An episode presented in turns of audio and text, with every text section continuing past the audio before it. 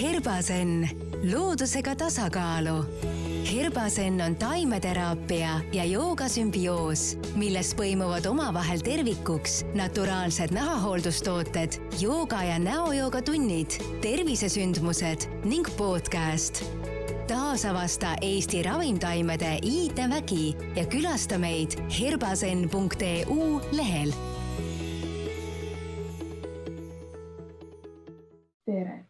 tulemast Herbaseni podcasti. mina olen Mai ja käes on osa viiskümmend neli. minuga koos on täna imene Kristiina, tere. tere, tere. võib-olla alustakski hoopis natukene laiema küsimusega täna. mis see jooga sinu jaoks üldse on? Oh, tänaseks päevaks on joogast saanud minu jaoks tegelikult elustiil et, et ma ei saa seda kuidagi äh, ainult siis vähendada nii-öelda sellel ajal, kui ma kuskil võib-olla joogamati peal olen. et äh, tegelikult jooga on ju selline iidne traditsioon ja, ja, ja miks mulle, miks mind see jooga on lummanud, ongi sellepärast, et seal on niivõrd palju õpetusi nagu elamisest ja kuidas iseendaga toime tulla ja sest äh, noh, paraku minu elukogemus on küll see, et, et igast väliseid äh, asju võib isegi võib-olla muuta, aga mina liigun ühest situatsioonist teise alati võttes kaasa iseenda. et, et jooga nagu on minu jaoks andnud selle, et ma mm, kõigepealt õpin ennast tundma ja siis on ka nagu võimalus nagu midagi muuta ja, ja seda noh, nii füüsiliste harjutuste kui mentaalsete harjutustega või siis lihtsalt selliste eluvaadetega kaua sul siis on läinud selleks, et jõuda siia faasi uh,? mõtlen, et joogaga teadlikult ma hakkasin tegema kaks tuhat kümme. jah, see oli enne mu teise lapse sündi. et ma ennem olin proovinud uh, ka varem kuskil ülikooli ajal aga siis ma sattusin sellisesse saali joogasse ja, ja siis, kui me pidime sinna lõdvestuma pikali viskama, siis see saal oli tolmu täis ja, ja ma mäletan, et mina olin see joogaõpetaja, joogaõpilane, kes siis nagu itsitas mingite harjutuste peale ja noh, sihuke noh, ma ei tea, mis ma olin mingi sel ajal, mingi kahekümne aastane. et, et mul läks siis jah, mul läks siis kümme aastat veel, et, et, et leida siis see oma, oma liin ülesse aga kui sa olid noorem, kas sa unistasid ka sellest, et tahaks näiteks midagi joogalaadset teha või unistasid sa hoopis millestki muust, kui sa olid väike? no kui mina olin väike, siis noh, mina, minul ei olnud mingit, ma tean, et osadel isegi noh, nagu minu põlvkonna äh, inimestel oli, oli nagu ka info jooga kohta olemas, et ega see nüüd päris niisugune nüüd ka noh, nõukogude ajal ei olnud mingisugune hull, hull saladus võib-olla, et oli seda infot ka, aga aga mina ei teadnud sellest mitte midagi. aga mida ma tegin väiksena, et äh, mulle meeldis äh, selliseid nagu maagilisi asju katsetada, et ma panin lusika, panin põrandale, siis kujutasin, et ma mõttejõuga hakkan seda lusikat väänama, siis ma olin nagu niivõrd pettunud, kui see lusikas kuju ei muutnud, et, et kuskilt mul nagu noh, seda Matrixi filmi polnud veel ammu tehtud sellel ajal, et mingisugused sellised huvitavad nagu kalduvused mul nagu ikkagi olid et ja, ja mulle meeldis väga nagu võimelda, et ma isegi ei käinud mitte kuskil võimlemises, aga ise nagu tegin mingisuguseid harjutusi, et ma tundsin, et mul hakkas kehal hästi hea, kui noh, ma ei tea, turiseisu lihtsalt läksin suvaliselt. et eks väike soodumus mul ikkagi nagu oli, et ja. no vot, väga hea, aga kuidas siis lõpuks ikkagi oli see, et kahekümneselt naersid asendid välja, kolmekümneselt oli okei okay võiks täitsa teha joogat. kas midagi su elus siis muutus või sa lihtsalt andsid teise võimaluse um,? vot see on ka niisugune müstiline koht, et ma ei mäleta, kuskohast mulle tuli järsku pähe kinnisidee, see oli kaks aastat enne seda, kui ma sinna joogatundi teist korda jõudsin. Võib-olla ma lugesin kuskilt, ma, ma ei suuda üldse seda meenutada, kuidas see oli, aga mul tekkis kinnisidee, et ma tahan minna Kundalini joogatundi ja, ja lihtsalt äh, ühtegi teist asja ei vaadanudki ja muudkui otsisin endale sobiliku Kundalini jooga tunni aega. aga üldse nagu ei klappinud mul siis selle ajase töögraafikuga ja, ja noh, kohad ei klappinud ja sellel ajal ei olnud noh, võib-olla ka nii palju neid pakkujaid. ja lõpuks äh, ma nagu lõin käega ja siis ma kolisin linnast välja öö, äh, oma majja ja siis avastasin, et äh, see oli Tabasalus et äh, ma avastasin, et, et sinna tuli järsku joogakursus, Kundalini joogakursus ja noh, sinna ma läksin ja sellest ajast peale äh, noh, ei ole see tee kordagi katkenud, et, et minu jaoks nagu see Kundalini jooga tuli minu ellu. ja tegelikult noh, tänaseni on see üks minu, minu põhilisi noh, praktikaid, aga on ka teisi juba. aga mis sa veel teed, räägi sellest ka. no ohoo, noh, eks seda võib äh, et võib-olla see minu see, et, et ma olen joogaõpetaja, aga minu see jooga õpetamise nii-öelda väljund on võib-olla muut, läinud natukene üldisemaks. et kui ma vanasti tegingi Kundalini joogatunde, äh, siis ma õppisin ka lastejooga õpetajaks, et lastejooga tunde ma teen siiamaani regulaarselt. aga muidu äh, ma neid joogalikke teadmisi annan edasi väga palju töötubade ja laagrite kaudu hoopiski. ja, ja mis Kundalini jooga loomulik jätk oli minu jaoks oli tantra tegelikult, mis on ka jooga. et, et see, see läks nagu hästi sujuvalt ja, ja, ja praegu ma teen ka tantra töötubasid ja muuhulgas korraldan tantrafestivali sellel suvel. nii et äh, asjad on nagu läinud sellises kasvavas kasvavas voos ja muuhulgas siis selle kõige kõrvalt ma veel teen oma põhieriala ka küll nagu nii-öelda omapäi, et ma olen jurist. et, äh, et kõike ja siis veel õpin terapeudiks ja teen teraapiaid ja et tegevust on üksjagu. mis, mis põnevaid teraapiaid sa õpid? Äh, ma käin sellises huvitavas koolis, seal on niisugune pikk nimi, ma loodan, et ma selle nüüd õigesti välja ütlen transpersonaalse psühholoogia ja hüpnoteraapia erakool Teadlik mina. ja, ja varem olen ma äh, läbinud siis äh, rännaku meetodi äh, kogu siis selle pika jada, et, et ma teen ka rännakuteraapiaid ja siis noh, kombineerin neid ka omavahel kokku, et mulle väga meeldib see meie kooli põhimõte, et, et sa ei saa nagu et mitte sa ei, ei nii-öelda ei pane siis klienti selle tehnika järgi, vaid sa ikkagi kohandad kõik tehnikad kliendi järgi. et see natuke läks mul aega, et sellest aru saada, et äh, aga, aga noh, paraku nii on, et sa ei saa nagu kõikidele ühe hoobiga läheneda, et, et see on ja nii nagu ühelegi inimesele ei saa ühtemoodi nagu läheneda ja suhestuda temaga jah, tegelikult ju laieneb jälle joogamatile ka, et kõik on erinev. ja, ja just jah, nagu iga keha on erinev ja ma lastele ka õpetan oma tunnis, et, et noh, ma isegi ütlen, et noh, et, et vaata enda ümber, et vaata, kui erinevad te kõik olete ja noh, et kui nüüd üks paindub rohkem, siis see ei tähenda, et tema on mingis mõttes parem, et ta lihtsalt keha on erinev. ja siis ütlengi, noh, nagu näitangi, et vaadake, et jalad ja käed, et need kasvavad eri pikkusega ja et anda nagu natuke sellist nagu ähm, noh, võib-olla maisemat äh, ja nagu reaalsemat vaadet neile sellele asjale, et ei ole ainult see, et keegi on parem või halvem, vaid lihtsalt igaühel on erinev ähm, noh, nagu keha ja, ja selline suundumus siis äh, mingisuguseid praktikaid teha. sa oled, kaua sa oled üldse lastejoogatunde andnud?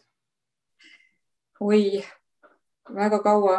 noh, tegelikult oli see tõde isegi see, et ma õppisin lastejooga õpetajaks aasta varem, kui ma õppisin Kundalini jooga õpetajaks et uh, ohoo, ma ei tea, äkki kuus aastat või mm? -hmm.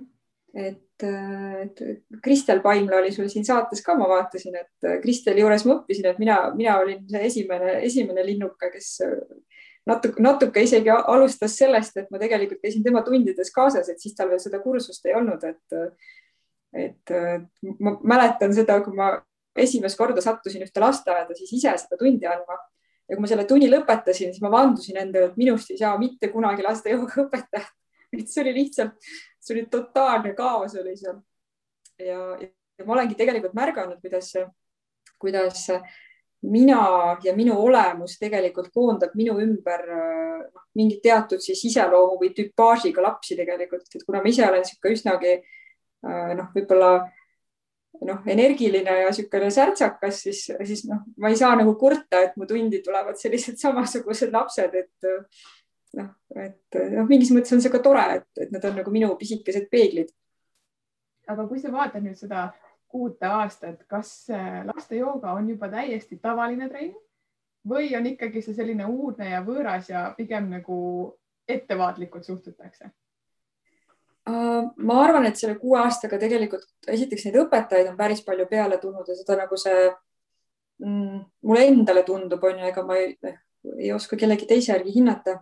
et ta ikkagi pigem on niisuguseks tavapärasemaks saanud ja, ja võib-olla noh, ma näen ka paraku seda, et, et kuna neid variante tuleb lastele pidevalt juurde, siis kunagi võib-olla siis teisel või kolmandal aastal oli see nagu isegi üsna nagu populaarne kuidagi, et, hästi palju lapsi tuli gruppi, siis nüüd on neid pakkumisi on koolides nii palju, noh, ma teen koolis ja siis teen ühes noh, joogastuudios ka, et, et lapsed noh, ei jõuagi, et noh, kui neil on seal akrobaatika valikus ja jooga valikus, siis, siis noh, ongi see, et ah, noh, tunduvad sihuke üsna sarnased, onju, võib-olla vanematele, et aga ja samas on ka neid selliseid Äh, fänne, et, et ma olen ka mõelnud siin vahepeal, et äh, et kuna laste jooga puhul äh, peab olema endal siis sellist inspiratsiooni ja sädet, et sa ei saa sinna sedasi tuimalt nagu minna, et siis sellest noh, tunnist ei tule midagi mm. -hmm. et sa pead värske olema laste jaoks. ma olen mõelnud, et äkki ma noh, noh lõpetan ära, et võtan, jätan ühe tunni endale nädalas ja siis kuna mul laps käib samas koolis seal, siis see kool, kus ma mõtlesin, et ma jätan ära, siis üks laps tuleb minu juurde, kes mu tunnis käis, et õpetaja, aga millal need joogatunnid nüüd hakkavad siis? On ju, et, et siis mõtled, et no aga noh, kuidas ma nüüd siis, kuidas ma nüüd siis ütlen, et tead, et ma ei teegi, on ju, siis võtad jälle kokku ennast ja, ja hakkad tegema ja jälle on tore ja et, et võib-olla jah, et lapsed on selles mõttes noh, mu enda jaoks ka niisugune inspiratsioon, et kui ma sealt tunnist ikkagi nüüd tulen, siis ma ei tunne seal niisugust kaose tunnet, vaid, vaid ma tunnen sellist täidetust ja, ja rõõmu ja, ja minu sisemine laps saab ka nagu mängida ja, ja nautida hoopis teistsugust keskkonda.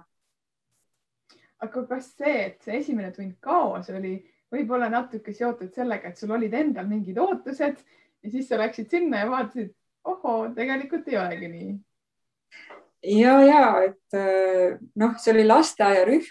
Äh, see, nad olid, olidki sellised nelja-viieaastased ja eks minu sees oli selles mõttes kaos, et see oli see esimene kord ja ja, ja noh, ma arvasin, et ma pean nüüd kuidagi selle rühma seal nagu kuidagi ära kontrollima. et raske oli nagu lahti lasta noh, sellest hirmust, et asi lendab üle käte. et ju mul oli siis vaja kogeda seda tunnet, et noh, mis võib-olla kõrvaltvaatajatele, et noh, et lendaski üle käte et see on nagu noh, ütleme nii, et ega see jooga siis kaldub minu jaoks ka sinna nagu pärisellu edasi, et, et nagu elus julgus lasta mõnikord asi nagu üle käte ja kaosesse. et, et see andis mulle selle julguse ja, ja mul on hiljem niisuguseid tunde olnud, et see ei olnud kindlasti viimane kord.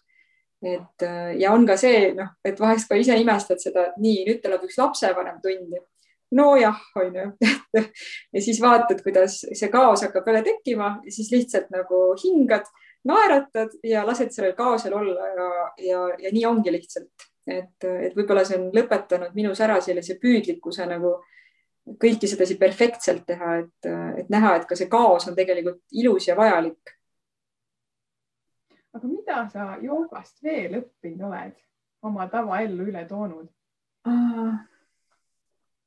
No joogas noh, näiteks ma praegult käin ka Isvara joogakoolis ja, ja seal on siis iga tasemega on siis mingisugune oskus, mis siis nii-öelda, mida sa siis jälgid selle kursuse aeg. ja praegult on meil käsis selline asi nagu talitsetus või mõõdukus. ja, ja siis nagu hakkad nagu nägema sellest, et seesama, et, et kuidas noh, mingi hetk tööd ongi nii palju ja, ja, ja kui ma nüüd hakkan rakendama seda mõõdukuse põhimõtet, siis tegelikult on niisugune hea koht endale öelda, et kuule, tead, et, et ma pean tagasi tõmbama. ja, ja kui ma, nii kui ma tagasi tõmban, siis tegelikult mu ellu tuleb ruumi juurde ja nii-öelda see noh, tasakaal saab tekkida, aga noh, mina olen ju see, kes peab taipama seda, et, et ma olen nagu nii-öelda see mõõdukus on läinud tasakaalust välja, seda ei ole ja tekitama seda ruumi, et jooga on hästi palju teadlikkust tegelikult mulle õpetanud, et äh, sellist teadlikku enese jälgimist ja, ja nagu mõistmist, et, et ma ikkagi ise valin oma, ma ise saan valida, see on nagu tegelikult mingis mõttes vabadus ja vastutus, et, et kuidas mu elu kulgeb, et see ei ole päris nii, et, et elu juhtub minuga lihtsalt. no juhtub ka vahel aga nüüd sa ütlesid, et sa teed veel ka juuratööd, eks? Kuidas ja. need juura ja jooga kokku lähevad omavahel? no võib-olla seal näen isegi rohkem sellist psühholoogilist aspekti. et noh, eks jooga on see ähm,, kui, kui ma hoian oma keha korras, siis tegelikult mul on rohkem ka energiat neid asju teha ja, ja mul on äh, tavapärane see, et, et ma kuskil tööle hakkangi enne kahtteist, ma üldjuhul tööle ei hakka hommikul, sest et mul on hommikune praktika. noh, pluss siis äh, teen oma meditatsioone.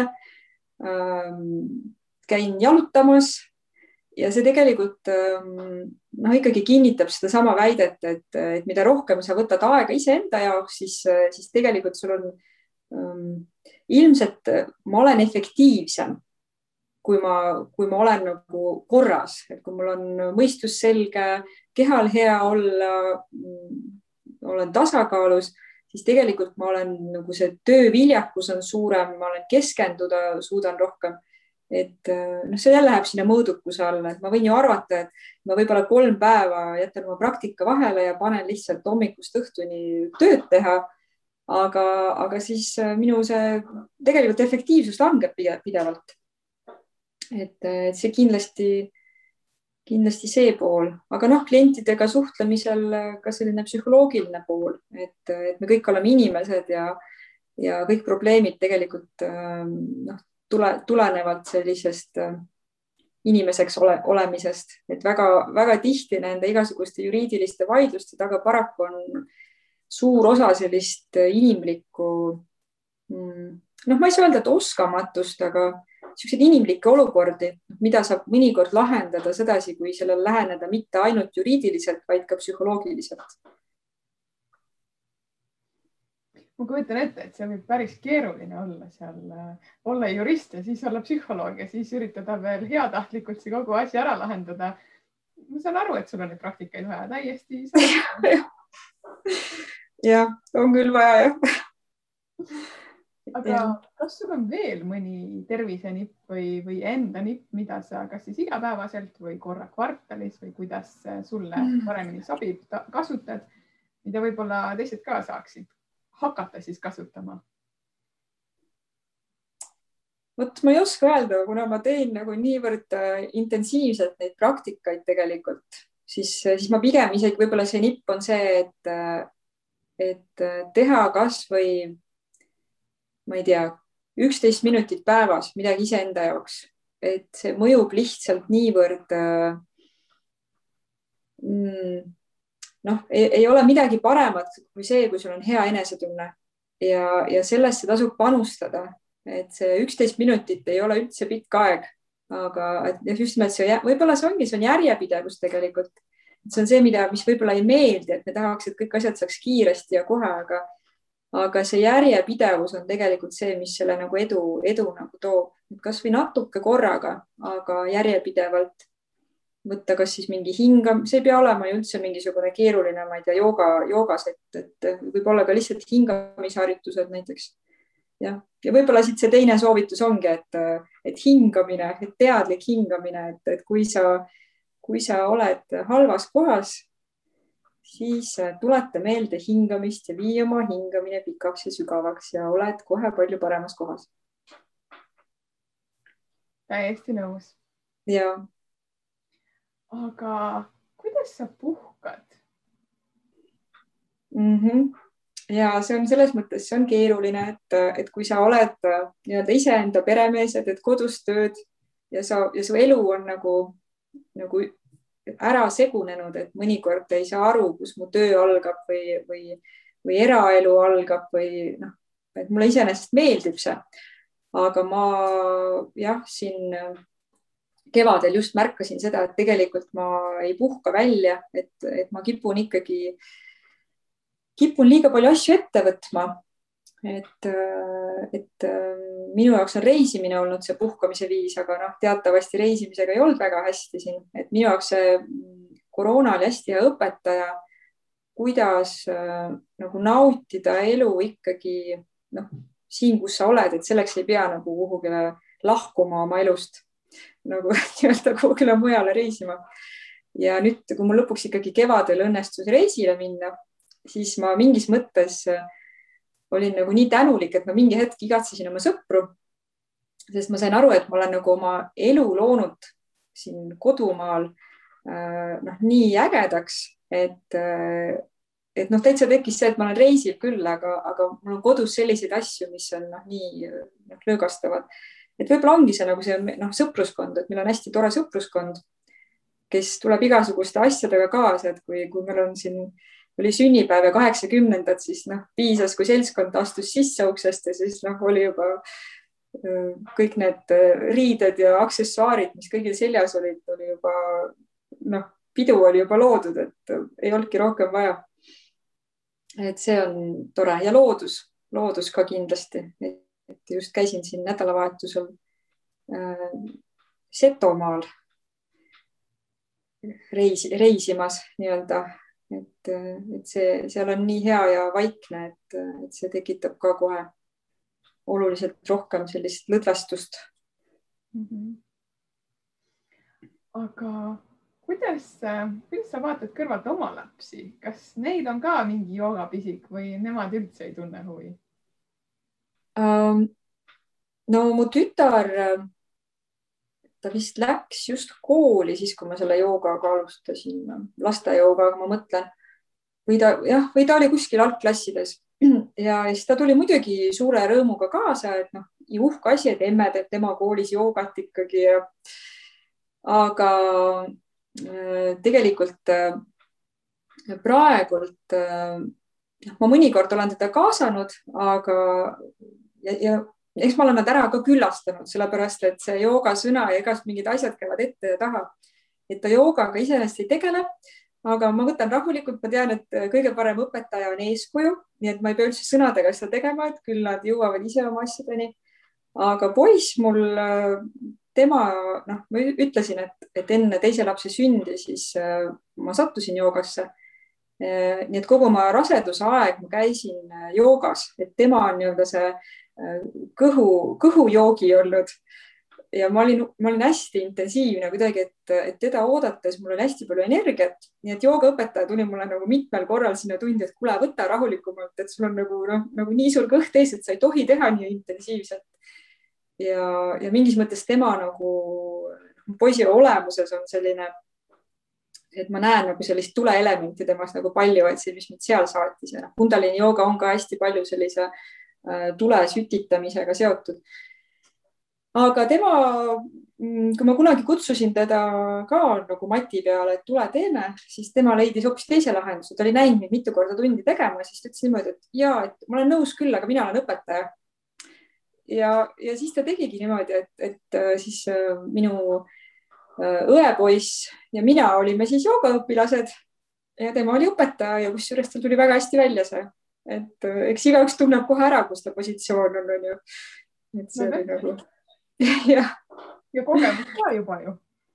no ei, muidugi noh, tal olid ikka kõrgemad praktikad juba seal üheksa kuud seal kõhus hingatud ja mediteeritud, et ja.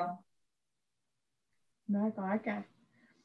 mulle praegu tundub, et äh, sa oled kohas, kus sa oled õnnelik. aga ma tahaks ikkagi küsida kas on veel midagi, millest sa unistad, mida sa kindlasti tead, et sa tahaksid veel teha uh,? ja selles mõttes küll, et ma olen ise ka mõelnud, et ma tegelikult olen nagu jõudnud päris heasse kohta. mida ma tahaksin teha uh,? eks ma vaatlen natuke seda poolt, et, et kui, et kui palju ma tahan veel jätkata nagu koos neid asju nii palju, et seda juura asja ja ja igast neid töötubasid ja teraapiaid. et mõnikord mulle tundub, et, et kõike on natuke liiga palju. ja, ja siis meil on olnud niisugune nagu unistus teha selline ähm, noh, ma ei oska öelda, see ei ole nagu mitte, mitte mingi küla selles mõttes, et noh, kuidagi mingisuguse, mitte mingi sekti ei taha luua, aga, aga noh, üks mu sõpradest ütles just, et, et, et tead, kui sa praegult hakkad endale uut elukohta vaatama, siis tegelikult sa pead arvestama sellega, et, et ilmselt sa nagu võid oma noh, imelik on välja öelda, et aga oma vanaduspõlve nagu võid sa seal ka veeta, onju, et noh, sest sa ei osta endale nagu maja kümneks aastaks üldiselt, onju ja siis, siis on niisugune idee olnud, et nii äge oleks minna kuhugile hästi ägedasse looduslikku keskkonda selliste ühtemoodi mõtlevate inimestega. Igaühel oleks loomulikult äh, oma nagu pesa ja kõigil oleks niisugune hektar maad ümber oma maja ehk niisugune nagu pigem niisugune äh, eestlaste stiilis nagu talu, talumaade kompleksid on ju äh,. et ei ole niisugust, ei pea niisugust, noh, niisugust kommuunielu ma nagu elada ei taha. aga just see, et ma nagu tean nagu seda neid inimesi, kes mu lähedal elavad ja noh, luua nagu sellist kogukonda, siis koos midagi nagu ühiselt panustada, et oleks selline näiteks suur ühine joogasaal, kus me kutsuks ka võib-olla väljapoolt kedagi, noh, teeks mingeid sündmusi läbi ja noh, et see, see mõte, et me isegi mingi hetk hakkasime vaatama selles suunas, aga, aga nüüd on natuke soikuse jäänud. et see võib-olla on niisugune üks, üks mõte. No kaaslaseid siit leiab, kui nüüd podcast'e tagasi kuulata, ma arvan, vähemalt iga viies öelnud, et ta tahaks mingit sellist oma talukest kuskil metsa sees ja kui need kõik kokku panna, saaks päris ägeda pundi. ja no meil juba oli siin neid noh, neid, neid tahtjaid juba ka, et me isegi no reaalselt vaatasimegi krunte, et päris mitu, mitu kohta, aga eks see on ma, ma ise oma kaaslasele ütlesin seda, et teada, et see, see asi pole nendes kohtades, et, et kui meis endas tekib see küpsus, siis tuleb see koht ka nagu nipsust. Et aga kuni me ise oleme sellised nagu, et ma ei tea, kas me veel tahame seda elu ja, nagu maha jätta ja kas me ikka oleme valmis minema, noh, et nii mugav on ju praegu siin olla, kuigi natuke kitsas on aeg-ajalt, aga et aga las see noh, see on see küpsemise koht, et, et tark ei torma, on ju. väga hästi öeldud, ei torma aga kuidas sina üldse otsustad või mille põhjal sina otsustad, sest alati, nagu sa ka ütlesid, ei ole ju nii, et kõik tuleb nii, nagu inimene soovib, vahest tuleb elu ka. kuidas sa teed oma otsuse, mille põhjal oh.?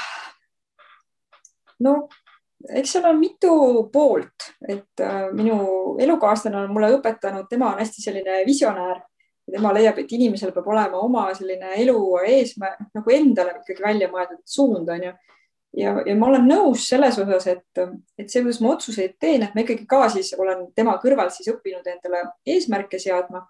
ja see eesmärk ongi hästi hea, et see tulebki sulle siis appi, kui sa oled võib-olla mingisugusel teelahkmel onju. see võib kasvõi suhtes olla näiteks, et noh, ma ei räägi paari suhtes, aga ükskõik millistes suhetes.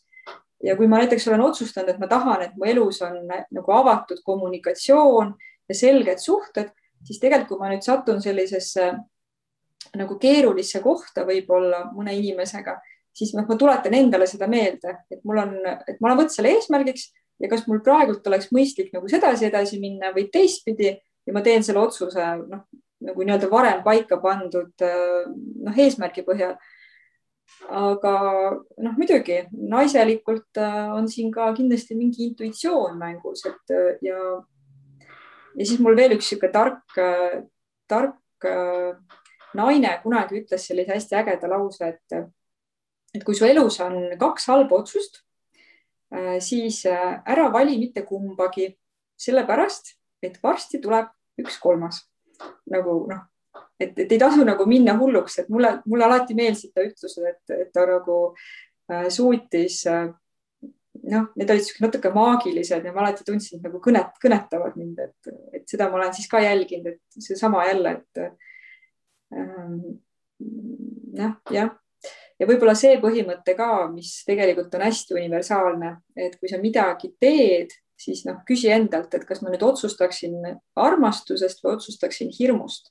et kas mul näiteks hirm midagi kaotada või millestki ilma jääda või ma lihtsalt võtan armastusest, et noh, näiteks, et ma, et ma armastusest iseenda vastu näiteks ei, ma ei tea, ei, ei otsusta millegi kasuks hoopiski et see on noh, hästi hea sisemise kompassi nagu selline ähm, teema.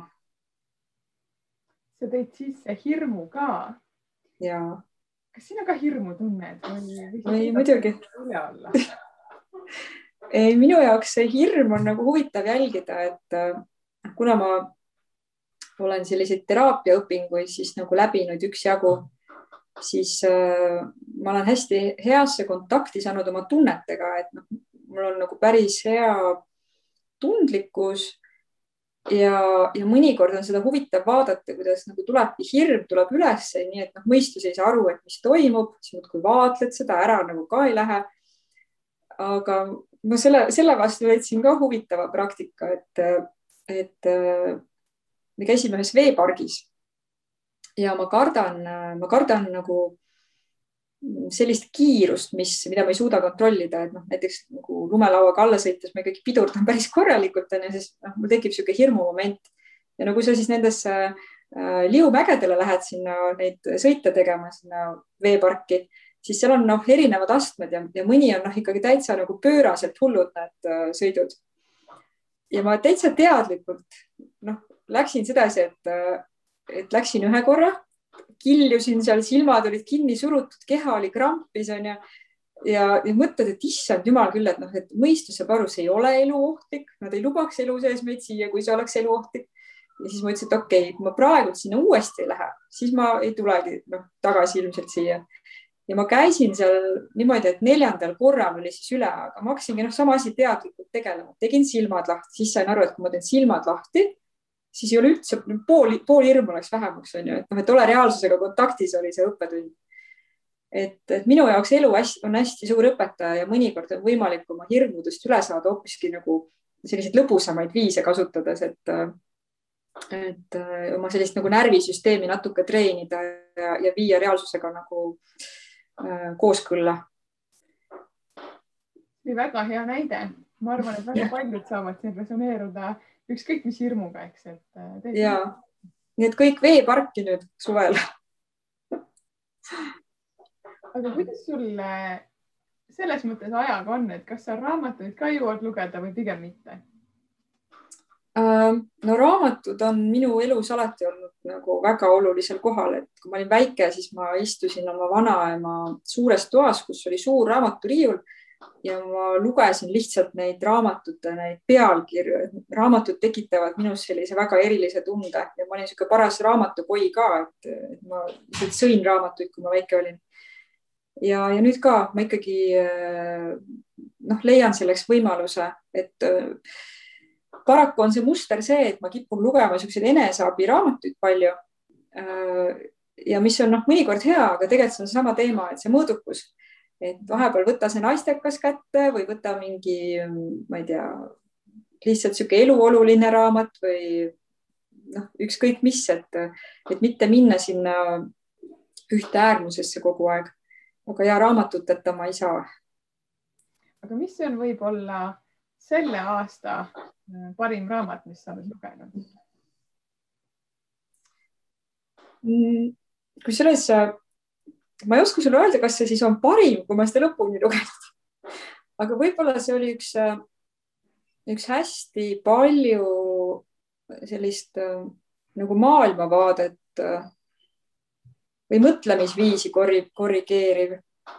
see on see, ma ei tea, autor ei tule meelde, see on niisugune suur valge raamat, Sapiens on see, võib-olla sa tead seda hästi-hästi paks raamat, ongi vist Sapiens on nimi. see räägib siis sellest inimeste nagu saamise loost ja sellest, noh, seal oli hästi palju sellist avardavat, et kuidas inim, inimliike ei ole olnud üks, vaid noh, neid on mitu ja miks siis kujunes välja üldse inimene ja, ja sellest inimese mõtlemisest, et, et miks inimene oli edukas, et noh, see, see pani, see pani nagu hästi palju seda maailma nägema teistmoodi et äh, aga ma ei lugenud seda lõpuni, sest mingi hetk ta läks minu jaoks liiga, mulle ei meeldi raamatud, mis liiga palju seletavad, et ma usun küll, et mul ei ole vaja tuua neid fakte nii palju järjest, et ma tahaks nagu noh, sujuvamalt lugeda. aga mõned autorid äh, ja mõned lugejad siis ilmselt tahavad fakte rohkem ja mul mingi hetk ma tundsin, et seda sai nagu liiga palju. aga see oli siiski kindlasti üks parimaid raamatuid, mis ma sel aastal olen lugenud. väga põnev, kindlasti vaatan järgi loodan, et see ei ole nüüd nii paks, et, et ei jaksa koju. no see on ikka päris, päris paks, ma jõudsin vist poole peale heal juhul.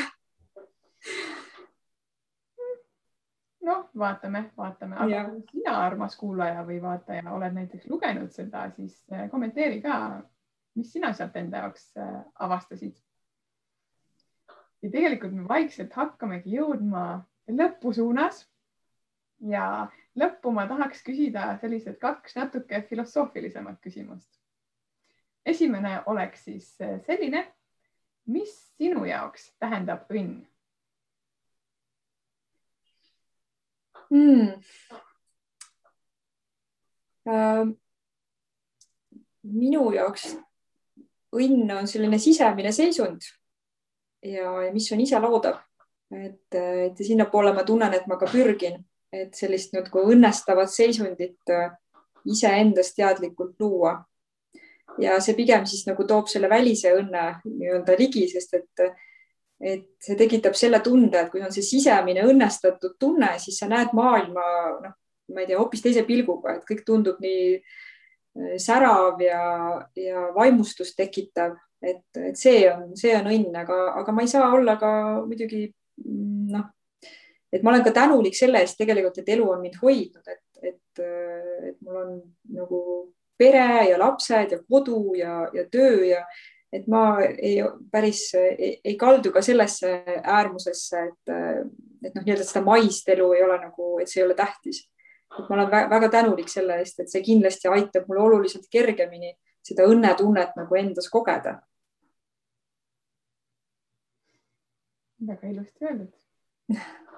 nüüd võib-olla natukene raskem küsimus. kui me võtame ära sinult kõik sinu rollid, nimetused Äh, isegi soov võtame ära. kuidas sa siis ennast kirjeldaksid, mis alles jääb mm.? vabadus. et, äh, et need on, see on teema, millele ma olen nagu mõelnud ja tunnetanud, et äh, et, et see on ka seisund selles mõttes, see on lihtsalt vabaduse seisund, mitte, mitte see, et need rollid mind kuidagi koormaks, aga aga mingis mõttes nad on nagu piirangud. et noh, nad ju, nad ju mind kujundavad ja mingis, mingisse nagu äh, moodi käituma ja olema. et äh,, et ja selline spontaanne vastus on siis, siis on vabadus, et siis on noh, et võib-olla läks vastus väga esoteeriliseks, aga, aga nii ta tuli praegu. väga hea vastus oli kiiresti ja kohe tuli aga kui nüüd on siin keegi, kes äh, mõtles, et nüüd tahaks tulla sinu juurde kas tundi või teraapiasse või lihtsalt midagi põnevat küsida, kuidas ta seda mm -hmm. kõige paremini teha saaks uh,? Minu uh, nii-öelda võib-olla kõige paremini info, kus saab kätte minu kohta, on niisugune leht nagu tantratants.ee et seal, seal on ka teisi õpetajaid, aga, aga seal on ka minu asjad. Äh, Facebookis, kui otsida üles Kristiina Saul jooga ja teraapia, kus on siis ainult minu leht ja üks armas kogukond nii-öelda Facebookis, kus siis kaasab üsna palju infot, on Learn to be. Et äh, sellised, sellised väljundid siis, et olete oodatud kõik äh, tulema kogema seda ühist teekonda ja loomist enne veel, kui me siin ära lõpetame, siis äh, mina olen küsinud päris palju. kas sa tunned, et midagi on veel sul südames, mida sa tahaksid jagada hmm.?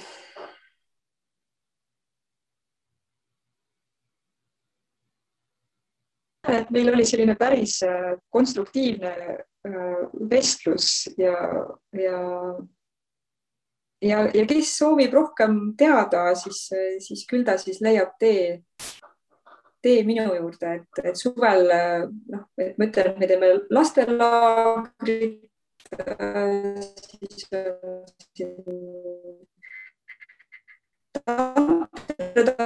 suvelaager, tantrafestival augustis tulemas,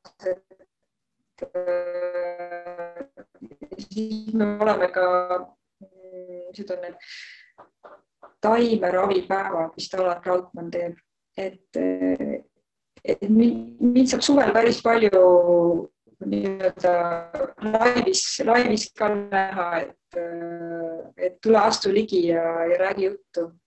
et.